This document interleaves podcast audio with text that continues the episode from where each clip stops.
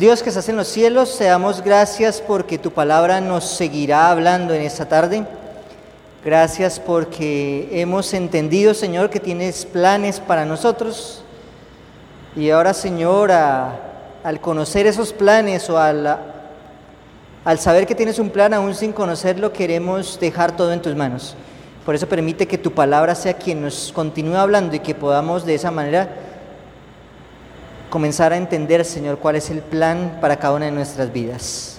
Porque te lo todo en tu Hijo amado Cristo Jesús. Amén. Bueno, en esta sección vamos a hablar de,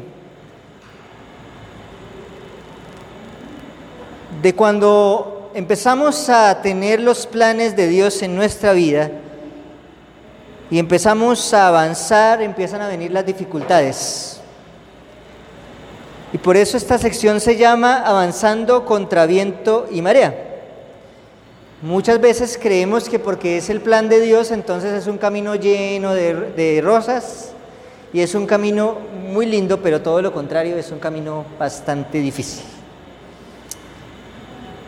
Es un camino bastante difícil, pero no siempre lo es así. Es un camino bastante difícil, pero de la mano de un Dios todopoderoso, las cosas son totalmente distintas. Y es por eso que vamos a analizar, después de que Moisés acepta, tal vez no directamente, pero después de tanta insistencia, Moisés acepta cumplir el plan de Dios. Hay un evento en el cual Moisés empieza a ver las dificultades pero al ver esas dificultades ya ha visto demasiadas veces la mano de Dios actuando en su vida. Y es por eso que vamos a volver al libro de Éxodo y vamos a buscar el capítulo 13 de Éxodo. Y allí ya han pasado varias cosas en la vida de Moisés. Capítulo 13. Sí. 13. Y ha pasado cosas como la siguiente, Moisés va y Dios le coloca a Aarón y finalmente Aarón habla por Moisés y Moisés ve cómo mediante diez plagas Dios obra en la vida de él y la vida de Aarón, su hermano. Y ve cómo finalmente Dios cumple el plan en su vida por medio de él y el pueblo de Israel sale al desierto empezando a ver Moisés que Dios cumple sus planes.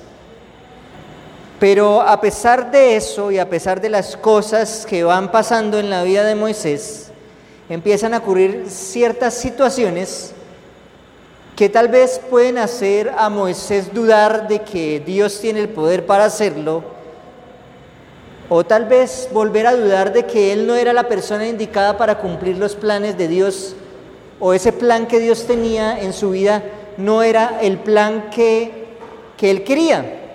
O tal vez pensar que Dios se había equivocado de persona y no era Moisés sino otro. Y entonces en el capítulo 13, 13, 13, 1, 3, 13, el versículo 17, dice lo siguiente, después que Faraón dejó salir al pueblo, Dios no los llevó directamente por el camino que va a la tierra de los filisteos, aunque era el más corto porque, porque dijo Dios, para que el pueblo al afrontar la guerra no se arrepienta y vuelva a Egipto. Resulta que el plan de Dios no era llevarlos por el camino más fácil, sino por dónde? Por el camino más difícil. Y ahí en la Biblia registra que dice, Dios los llevó por el camino más, no, no el más corto, sino el más largo. No los llevó por el camino directamente que los llevaba a donde estaban los filisteos, sino los llevó por otro camino que estaba lleno de dificultades. ¿Por qué? Ahí dice el por qué. Dice, porque Tal vez el pueblo al afrontar la guerra se puede arrepentir y vuelva a Egipto. Cuando Dios hace el plan, hace el plan de tal manera que no falle. Y organiza el plan de tal manera que aunque sea difícil, tenga el mínimo error para que tú te arrepientas de cumplir. Mejor dicho, te vende el plan y te lo hace para que no tengas derecho a retroceder, para que no puedas retroceder, para que digas, este es el plan, ya me metí en esto y no doy vuelta atrás. Y Dios hizo el plan con ese propósito, con el propósito de que no hubiera vuelta atrás, no hubiera marcha atrás.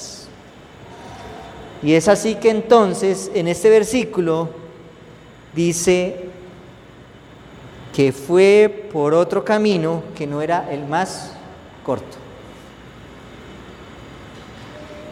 Llevaba al mismo lado, claro, pero no era el camino adecuado. Dios sabe cuál es el camino adecuado. Por eso, reitero, que los planes de Dios son más buenos que nuestros planes. Y por más absurdos que parezcan los planes de Dios, si Él nos ha prometido algo, pues debemos tener la capacidad de probar que el plan de Dios es el que sirve y no el mío. Muchas veces nosotros no vemos el poder de Dios simplemente porque no dejamos que el plan de Dios sea hecho. ¿Por qué? Porque resulta que Dios muchas veces dice, te voy a dar un trabajo en el cual no tengas que, que serme infiel, que puedas trabajar con todas tus energías, pero resulta que tengo dificultades y ando tanto tiempo sin trabajo a veces y la vida está tan difícil y me sale un trabajo en el que en alguno de los mandamientos tenga que serle infiel a Dios pero como estoy sin trabajo, finalmente resulta aceptándolo. Resulta que el próximo trabajo que venía era el tuyo, el que Dios te iba y por afanarte no esperaste las bendiciones de Dios. Y a veces las bendiciones de Dios no llegan a nuestra vida simplemente porque nosotros no esperamos a que Dios cumpla sus promesas en nuestra vida. Y Dios queda, me tocó otra vez tomar el cuaderno, tachar y hacerle, hacer otro plan. A ver cómo hacemos, ¿sí? A ver cómo hacemos que que, yo, tú o cualquier persona cambiemos los planes de Dios y Dios siga buscando estrategias para hacernos volver a su plan. Pero Dios no se cansará de hacerlo y seguirá buscando la manera. Y aquí está entonces Moisés siguiendo el plan de Dios, un plan absurdo, un plan que no era el, el mejor a, nuestras, a nuestros ojos, el plan más largo, el plan más difícil, pero Moisés obedeció. Y, entonces Dios los manda por allá. Y en el versículo 14, en el capítulo 14, perdón, el versículo 1, Dios comienza una charla con Moisés y dice, el Señor le dijo a quién? A Moisés. Y ese tal vez es uno de los versículos más cortos. Y Dios dijo a Moisés. No dice más el texto. Pero el versículo 2 y 3 dice, di a los israelitas que den vuelta y acampe frente a Pina Irot, entre Milgot y el mar, junto al mar frente a Baal Zephón. Porque Faraón dirá que los israelitas andan errantes, encerrados en el desierto. Y allí están. Por un lado, Dios los manda por un lugar donde no tiene absolutamente solución. Y llegan los israelitas, dice, acampen aquí, donde no hay lugar para avanzar. ¿Qué es lo que está adelante? El mar. Y atrás, ¿qué está? Pues volver a Egipto, no hay otra solución. Está el mar adelante y atrás Egipto. Pero antes de esta anécdota, Dios coloca algo para guiar al pueblo. Coloca dos cosas. En el día una columna de nube y en la noche una columna de qué? De fuego. Y estaba todo el tiempo dirigiendo al pueblo de Israel hacia donde ellos deberían marchar. Y la columna de nube iba enfrente en el día y la columna de fuego en la noche. Y ahí estaba todo el tiempo la presencia de Dios representada en estas dos columnas. Y es así como entonces Moisés obedece lo que le dice Dios y acampan allí, en ese lugar, donde no hay una opción sino el mar o Egipto. Y en el versículo 4 dice, y yo endureceré el corazón de Faraón para que lo siga. Y manifestaré mi gloria en Faraón y en todo su ejército, y sabrán los egipcios que yo soy el Señor, y ellos lo hicieron así. No le quedaba más fácil a Dios acabar con los egipcios de una vez por todas sin necesidad de ponerse a hacer toda esta vuelta tan difícil? ¿Tenía el poder Dios de hacerlo? Claro. Pero puso al pueblo de Israel a sufrir en el desierto, ¿para qué? ¿Y cuál era su propósito? ¿No le quedaba más fácil mandarlos por el camino más cerca a donde estaban los filisteos y darle la tierra prometida y ya. ¿No le quedaba más fácil a Dios eso? Pues tal vez era la ruta más corta y más fácil es más fácil para nosotros. Pero para Dios todo es fácil. Y sea por donde sea, para Dios no hay nada imposible. Y el propósito de Dios era endurecer, dice el corazón de Faraón, para que lo siga, para que se asusten. Yo, pero, pero, ¿por qué se pone Dios así? Dice, porque manifestaré mi gloria en Faraón y en todo su ejército, y sabrán los egipcios que yo soy el Señor. Y ellos lo hicieron así. Y no solamente los egipcios, sino también el pueblo. El pueblo iba a entender quién era Dios en su vida. Y aunque las cosas eran ilógicas, aunque el pueblo estaba avanzando hacia un lugar donde no había escape y no había salida, el pueblo y Moisés obedecieron.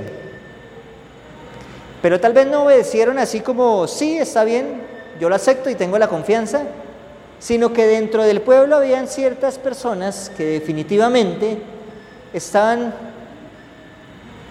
en una actitud de, bueno, está bien, yo voy a seguir, pero pues no estaban confiando mucho en lo que fuera a pasar más adelante. Y hay algo muy importante, y es que cuando Dios te dice algo, es porque Él tiene un propósito. No discutas, simplemente obedece. Y si Dios te dice, es que tú tienes que guardar el sábado. Señor, pero es que si guardo el sábado no voy a terminar mi universidad. No discutas, obedece. Señor, pero es que en la iglesia no hay un hombre que me valore, cambio en el mundo si hay muchos. No discutas, obedece. Y tal vez puedas tener razón. Porque a veces He tenido la, oportunidad de tristemente escuchar a, chicas con historias muy tristes de los hombres de la iglesia. Pero eso no significa que entonces los de afuera son mejores, porque Dios ya lo dijo en su palabra y Dios no puede mentir. Y tristemente hay muchas eh, niñas dentro de la iglesia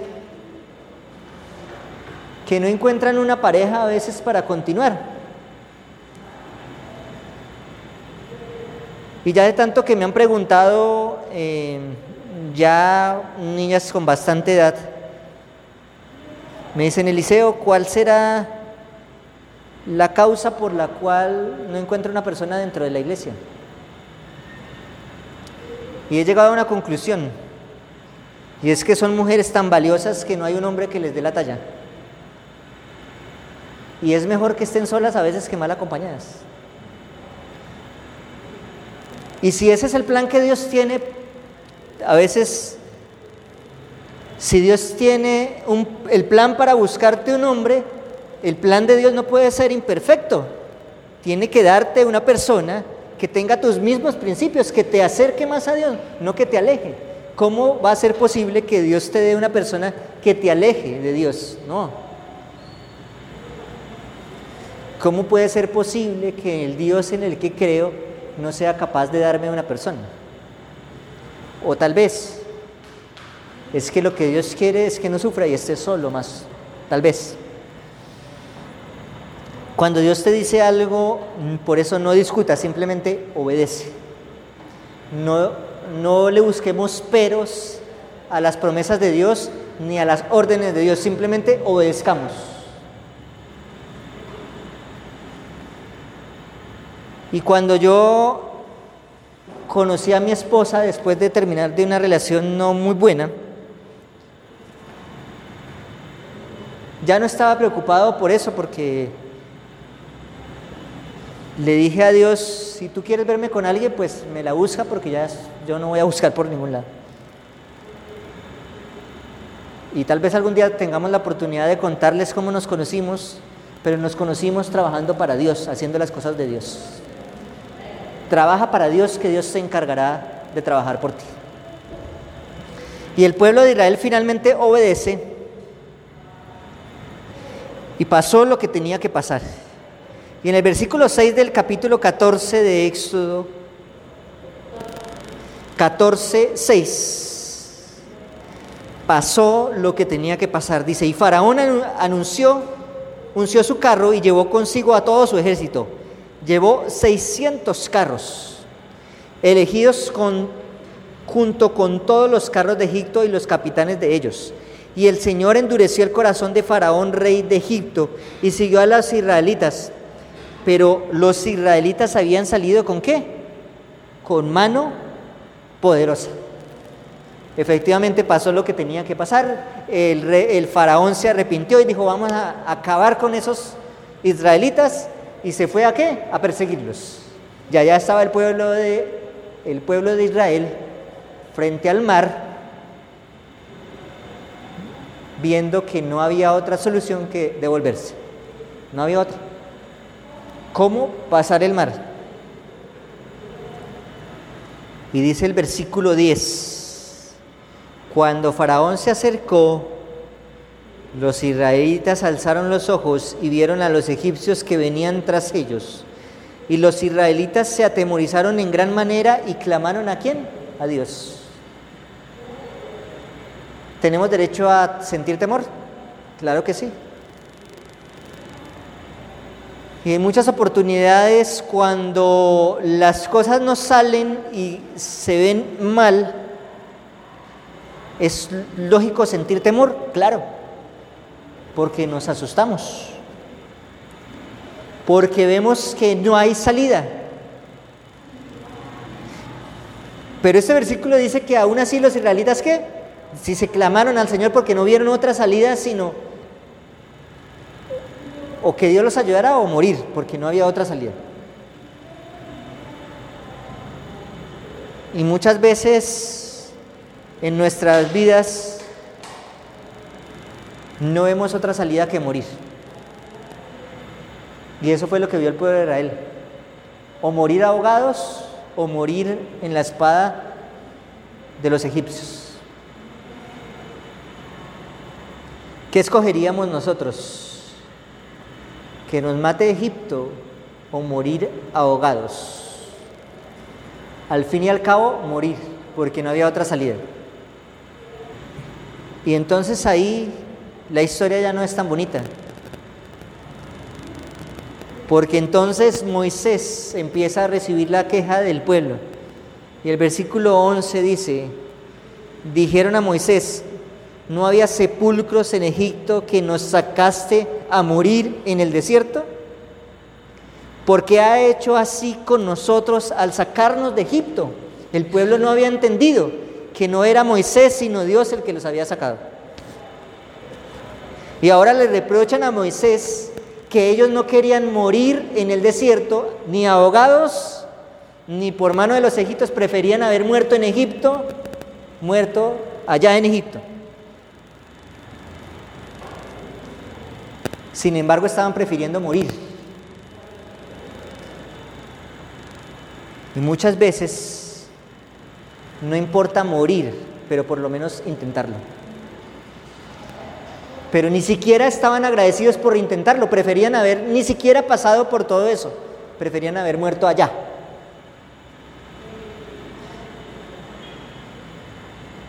Pero hay algo que sí les digo, debemos morir intentándolo todo. Y si las cosas no salen bien, por lo menos lo intentamos. Pero no quedarnos de brazos cruzados y decir, no, no lo voy a intentar. Porque si no lo intentas, no vas a ver nunca el poder de Dios.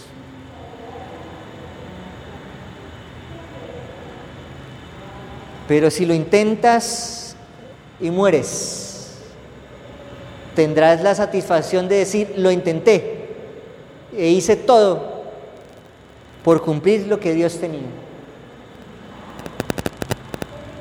Me queda la satisfacción de que si en esta vida no cumplí, de que si en esta vida no logré lo que tal vez pensé, voy a lograr algo mejor que no lo voy a tener en esta vida, pero sí en una vida eterna. Pero el pueblo estaba prefiriendo ni siquiera haberlo intentado. Y sigue diciendo el versículo 12, ¿no es esto lo que te hablamos en Egipto? Déjanos servir a los egipcios, que es mejor servir a los egipcios que morir en el desierto. Muchas veces preferimos ser esclavos que la muerte. Muchas veces preferimos estar esclavizados por Satanás que tratar de intentarlo con Dios. Y ese era el pueblo de Egipto. Prefería ser esclavo que intentar la libertad.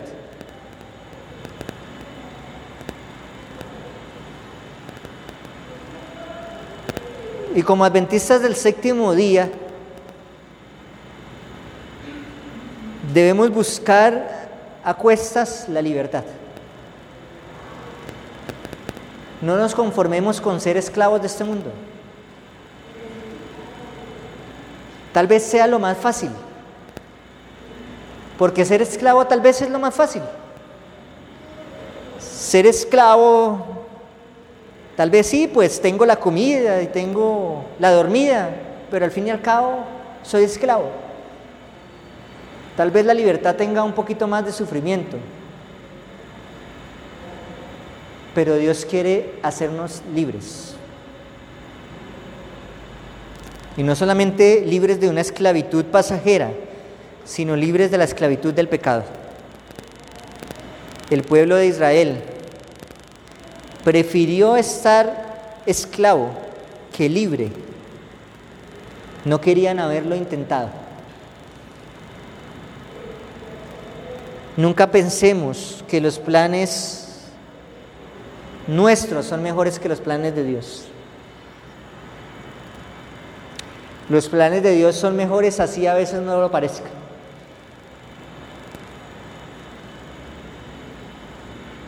Dios tiene planes para ti muchos más grandes de lo que te imaginas. Y el versículo 15 dice, entonces el Señor dijo a Moisés, ¿por qué clamas a mí? Di a, los israelitas que qué, que marchen.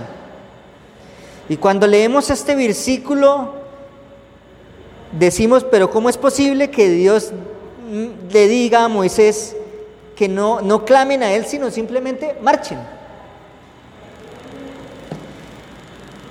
Y es que a veces cuando Dios te dice algo y cuando estás seguro que es el camino de Dios, que es por donde Dios te quiere mandar, no necesitas arrodillarte a orar y a decirle, Señor, ayúdame, sino simplemente seguir avanzando. Y ahí le dice eh, Dios a Moisés, no clamen, simplemente marchen. Si tienes la seguridad de que vas por el camino correcto, no necesitas ponerte a orar en ese momento, necesitas es avanzar. Porque ya sabes que Dios sabe que Dios está contigo. Tienes que arrodillarte ahora y decirte, Señor, ayúdame a tener la fortaleza de seguir avanzando. Porque ya sabes que ese es el, el plan de Dios. Y ese versículo es diciente, ¿por qué clamas a mí? Dile a los israelitas que marchen. Eso era lo que tenían que hacer, marchar, avanzar. Avanzar contra viento y marea. Pero ¿para dónde avanzamos si adelante está el mar y atrás quiénes? Los israelitas.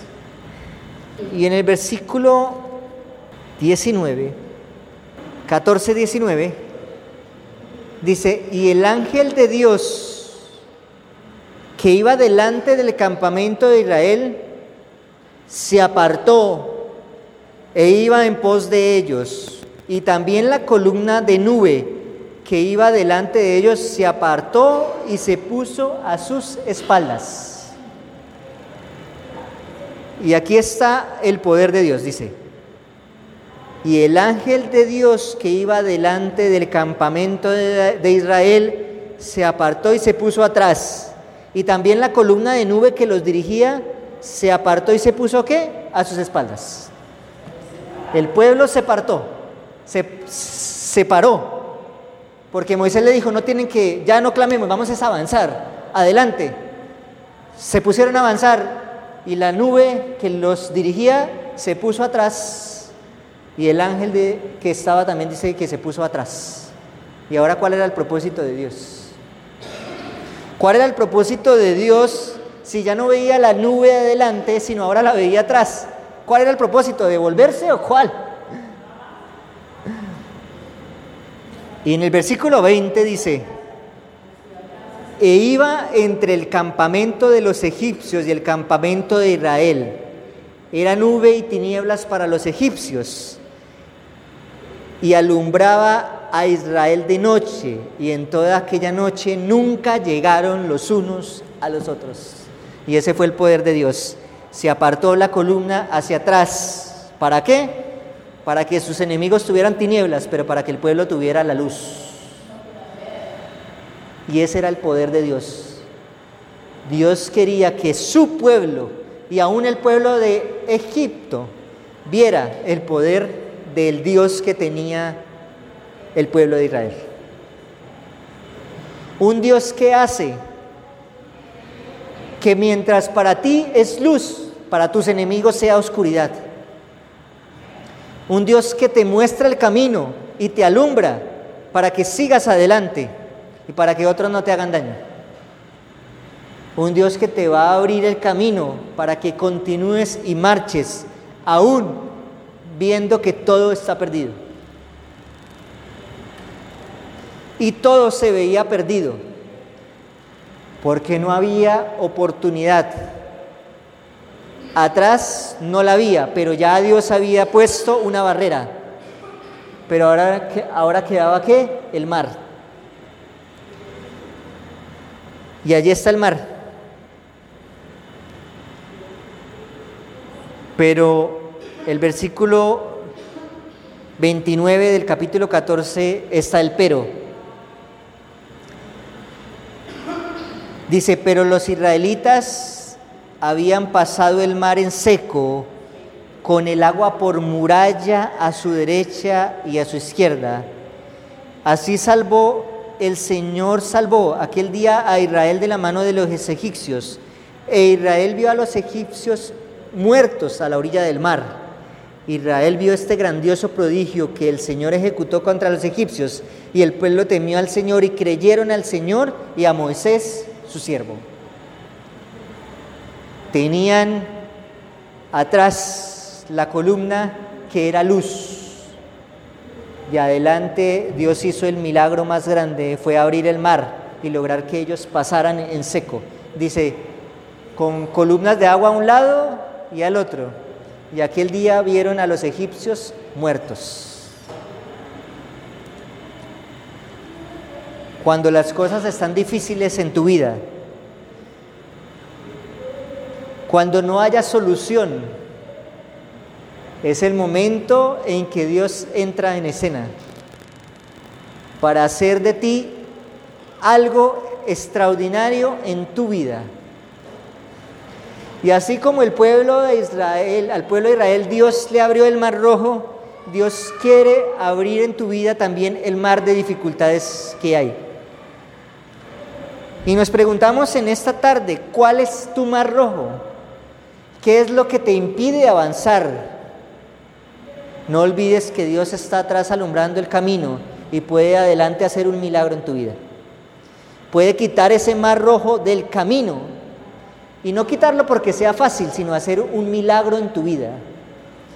Dios abrió el mar rojo, algo que no es común, un milagro. Y los milagros de Dios no son comunes y corrientes, los milagros de Dios son extraordinarios. Y cómo quisiéramos que cada uno de nosotros pudiéramos experimentar un milagro de Dios, ¿no?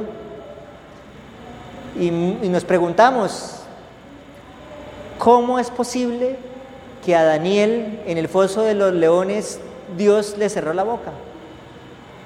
¿Cómo es posible que los tres amigos de Daniel estuvieron en el horno de fuego y no se quemaron? ¿Cómo es posible que el pueblo de Israel pase el mar en seco? Ahora les digo, ¿no es, ¿acaso no es el mismo Dios de nosotros? ¿Acaso no es capaz de hacer lo mismo en nuestra vida? Sí es capaz y por eso debemos reclamar sus promesas en nuestra vida. Si es capaz de hacer eso, es capaz de cualquier cosa. Y es capaz de hacer cumplir el plan en tu vida. Y leo de Patriarcas y Profetas este texto tan maravilloso. En esto se enseña una gran lección para todos los tiempos. Estoy leyendo Patriarcas y Profetas, páginas 260. A menudo la vida cristiana está acosada de peligros y se hace difícil cumplir el deber. La, la imaginación concibe la ruina inminente adelante y la esclavitud o la muerte atrás. No obstante, la voz de Dios simplemente dice, avanza, aún viendo los problemas. Debemos obedecer este mandato, aunque nuestros ojos no puedan penetrar las tinieblas y aunque sintamos las olas frías en los pies. Los obstáculos que impiden nuestro progreso nos desaparecerán jamás ante un espíritu que se detiene y duda. Y repito esta frase, los obstáculos que impiden nuestro progreso no desaparecerán jamás ante un espíritu que, espíritu que se detiene y duda. Nunca mientras dudemos del poder de Dios, los obstáculos van a desaparecer. Cuando confiemos en Dios y avancemos, ahí es cuando los obstáculos desaparecen. Sigue diciendo, los que postergan la obediencia hasta que todas sombras de incertidumbre desaparezca y no haya ningún riesgo de fracaso o derrota, no obedecerán nunca. Si estamos esperando a que todas las dificultades se desaparezcan, ahí nos vamos a quedar, porque dice que no desaparecerán nunca. Y repito, los que postergan la obediencia hasta que toda sombra de incertidumbre desaparezca y no haya ningún riesgo de fracaso o derrota, nunca obedecerán. Lo que tenemos que hacer es obedecer. Aunque parezca que todo está perdido, lo que tenemos que hacer es obedecer. Sigue diciendo, la incredulidad nos susurra, esperemos que se quiten todos los obstáculos y podamos ver claramente nuestro camino, pero la fe nos, impile, nos impele valientemente avanzar, esperándolo todo y creyéndolo todo. Por eso dice el texto, sin fe es imposible agradar a Dios. La realidad y la lógica nos dice no hay éxito, pero la fe es la que nos dice avancen esperándolo todo y creyéndolo todo. ¿Qué texto más grande el que escribió Elena en Huay en estas páginas? Y qué gran enseñanza para nosotros. Lo único que tenemos que hacer es obedecer. Creyéndolo todo y esperándolo todo. Aunque el camino no sea fácil. Aunque parezca que estamos derrotados. Aunque parezca que las cosas van de mal en peor. Obedecer creyendo y esperándolo todo. Si así no lo hacemos, ¿por qué estamos aquí? Creyendo tal vez en un Dios que no es capaz de solucionar nuestros problemas.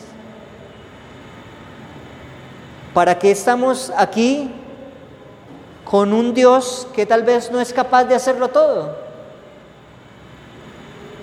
¿No sería perder el tiempo? ¿No sería perder el tiempo si no tenemos a un Dios poderoso? Pero no es así, lo tenemos. Y por eso debemos confiar en ese Dios que tenemos. Y por eso tenemos que ponerlo a prueba. Y por eso tenemos que exigir, aún siendo indignos de exigir, saber que Dios y su amor nos han dado promesas grandes. Y a veces, en algunos momentos, yo me arrodillo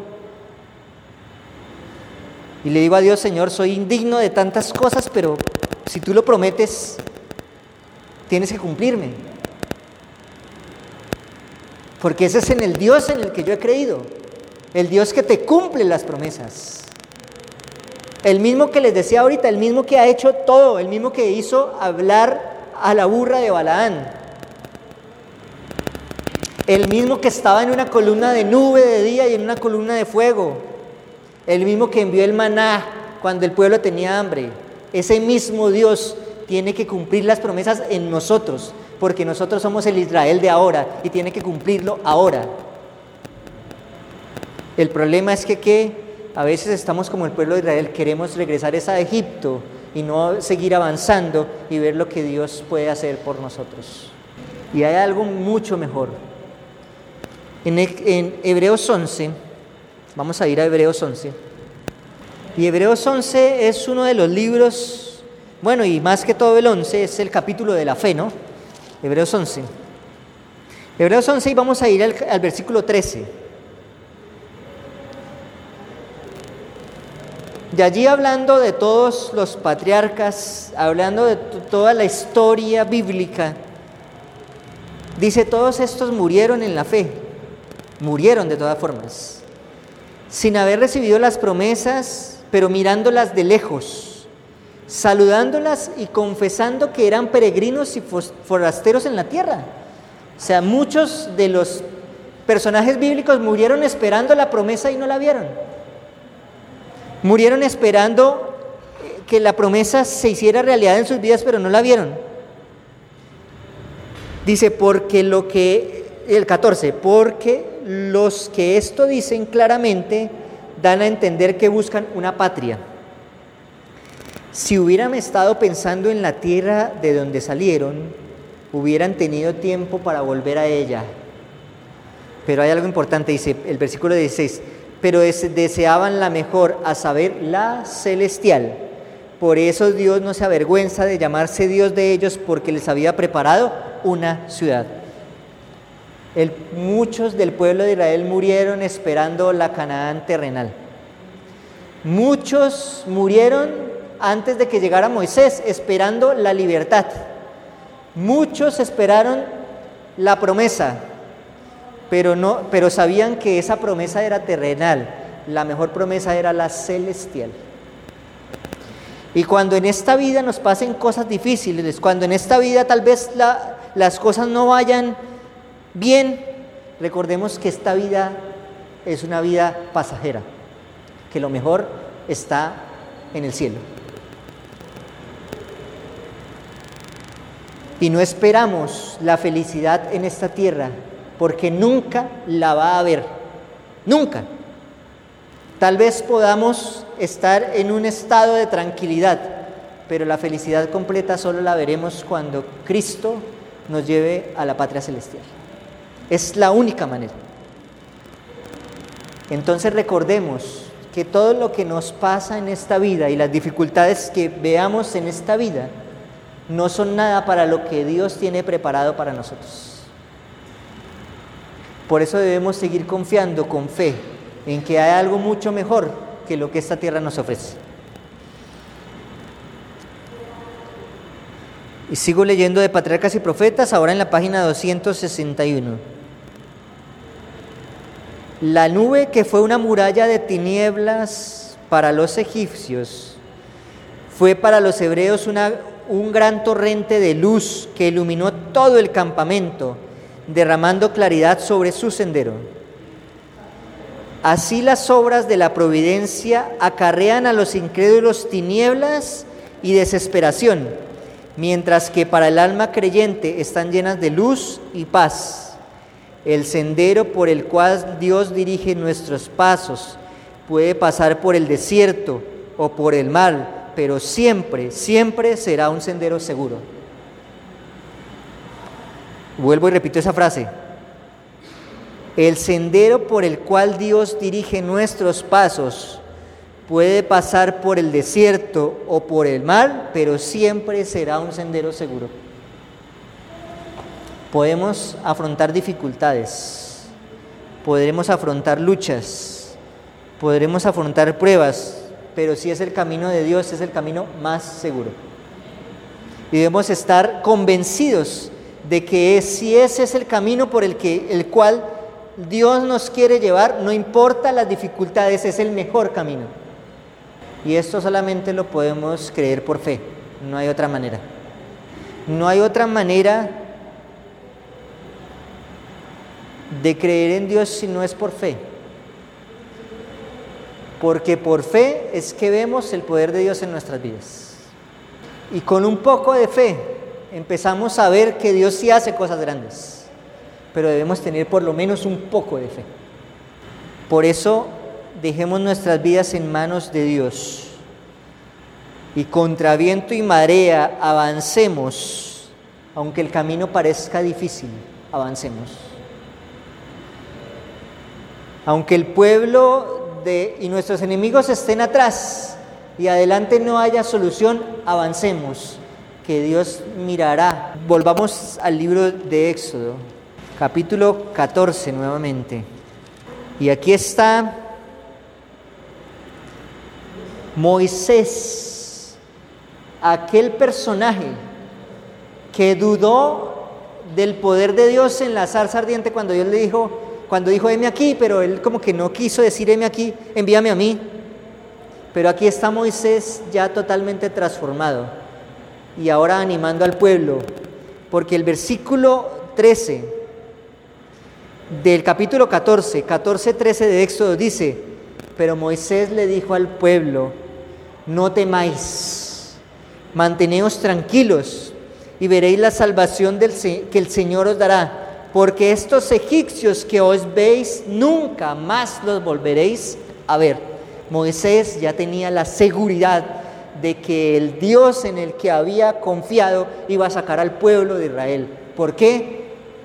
porque ya los había sacado de Egipto, ahora no los podía hacer morir en el desierto, tenía la seguridad de que Dios iba a hacer algo por ellos.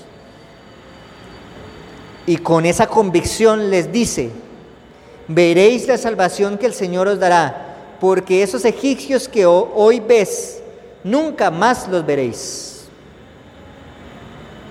Qué cambio y qué transformación la de Moisés. Un día dudando, tal vez que Dios podía hacerlo todo por él. Pero después de ver y de continuar aún con desconfianza, continuar el sendero que Dios le había dado, en esos momentos ya está diciéndole al pueblo, sigan adelante y veremos la salvación que Dios ha traído para nosotros. Y el versículo 14, uno de los versículos más hermosos, 14, 14 el Señor peleará por vosotros y vosotros estaréis tranquilos. el Señor peleará por nuestros planes. Y cuando dejas que Dios haga el plan en tu vida, no te preocupes por cumplirlo tú, sino ten la seguridad de que Dios peleará por ti y estarás tranquilo. Es hora de continuar, aunque la lógica muchas veces nos lo impida. Aunque a veces el camino no sea fácil, aunque parezca que el fin está lejano, Simplemente avancemos y tengamos la seguridad que el camino que Dios ha puesto es el camino más seguro. Simplemente avancemos. Dios tiene un plan para ti y quiere hacerlo realidad en tu vida pero muchas veces nosotros dudamos porque muchas veces no hemos conocido lo grande que es Dios en nuestras vidas. Y tal vez no lo hemos conocido no porque Él no quiera, sino porque no le hemos permitido actuar.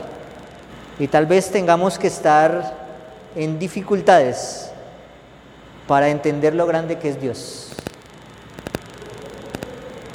Pero si esa dificultad la tengo que afrontar por seguir los pasos de Dios, deben tener la seguridad de que Dios saldrá y los ayudará.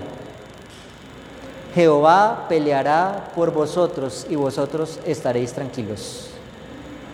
Y en esta tarde no conozco la vida de cada uno de ustedes. Conozco mi vida y sé cómo Dios me ha ayudado en todo el transcurso de mi vida. Y quiero que ustedes también tengan la seguridad de que si en estos momentos están afrontando dificultades, indecisiones, incertidumbres, que guarden y lleven esa promesa de que Jehová peleará por ustedes y van a estar tranquilos. Y es un versículo muy lindo, pero más lindo es cuando lo experimenten en sus vidas. Espero que ya lo hayan experimentado y si no, Espero que lo experimenten. Es lo más hermoso que pueden vivir en sus vidas. Saber que Dios está con ustedes. Seámosle fiel a Dios y obedezcamos. Porque Dios nos ama. Y si le obedecemos es una muestra de amor. Y Él estará dispuesto a hacer por nosotros lo que ustedes no se pueden imaginar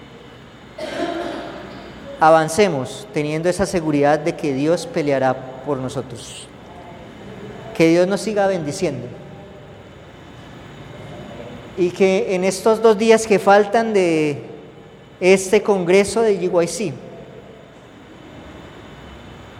Dios nos renueve y nos haga un corazón nuevo para que podamos confiar en sus promesas y obedecerle como Él lo merece. Y espero un día volverlos a ver y poder contar y escuchar de sus labios y que escuchen de mis labios también todo lo grande que ha sido Dios con nosotros y todas las dificultades que tal vez hoy tenemos, pero que tiempo más adelante podamos decir, hasta aquí nos ha ayudado Dios. Y lo más lindo será que tal vez si no nos volvemos a ver acá, en el cielo podamos vernos y poder decir todo lo que creímos era cierto y era real. Y nada ha sido en vano, porque hemos luchado por algo que vale todo, y es la patria celeste. Vamos a colocarnos en pie y vamos a orar para terminar. Oremos. Señor, te damos gracias porque a pesar de las dificultades y de los problemas, tus promesas dicen que estarás con nosotros y estaremos tranquilos. Por eso queremos dejar todos lo que nos agobia, todas las dificultades, esas cosas que nos impiden seguir en tus manos, Señor, para que pelees por nosotros. Nosotros hacemos nuestra parte, pero necesitamos, Señor, que hagas la tuya, porque sin ti no somos nadie, pero contigo somos todo. Por eso queremos dejar nuestras vidas en tus manos. Queremos seguir colocando este Congreso en tus manos para que sea una bendición para cada uno de nosotros y para que al salir de este Congreso podamos, Señor, salir renovados y tener la seguridad, Señor, de que tú darás un corazón nuevo dentro de nosotros.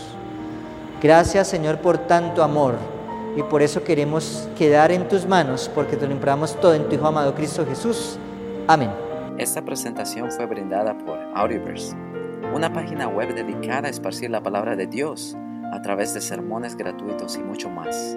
Si quisiera saber más de Audioverse o si le gustaría escuchar más sermones, por favor visite www.audioverse.org.